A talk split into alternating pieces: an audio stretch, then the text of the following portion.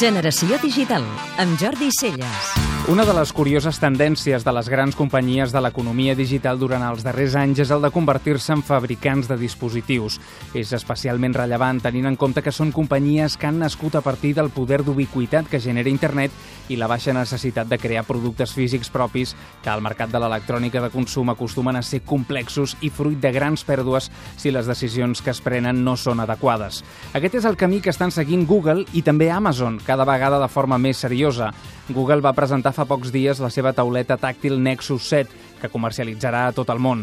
En el camp dels dispositius, Amazon va apostar fort pel lector de tinta electrònica Kindle i, posteriorment, amb l'èxit de l'iPad, va tornar a doblar l'aposta amb el Kindle Fire, tot un èxit de vendes als Estats Units i encara pendent del seu llançament a casa nostra.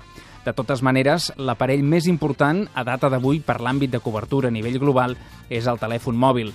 En aquest sentit, Google fa temps que treballa amb els seus models Nexus i fa uns mesos va decidir comprar tota la divisió mòbil de Motorola, l'empresa que va inventar el telèfon mòbil per a l'ús massiu tot i que la versió oficial és que Google no està tan interessada en la venda d'aparells com en la introducció al mercat dels seus serveis digitals, el que està clar és que la compra de Motorola Mobile i totes les seves patents posicionen a l'empresa de Larry Page com una potència al mercat dels telèfons mòbils.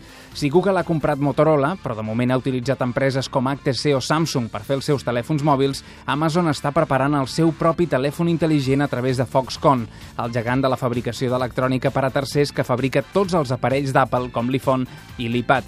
Amazon no ha manifestat res de forma oficial, però alguns dels principals analistes del sector han explicat que a finals d'any l'empresa de Jeff Bezos podria posar al mercat un nou telèfon que complementaria la família de dispositius mòbils de marca Amazon o Kindle. L'objectiu de poder fabricar aparells no és massa difícil d'entreveure. Apple ha fet els seus propis aparells i els seus programes i les coses els han anat molt bé.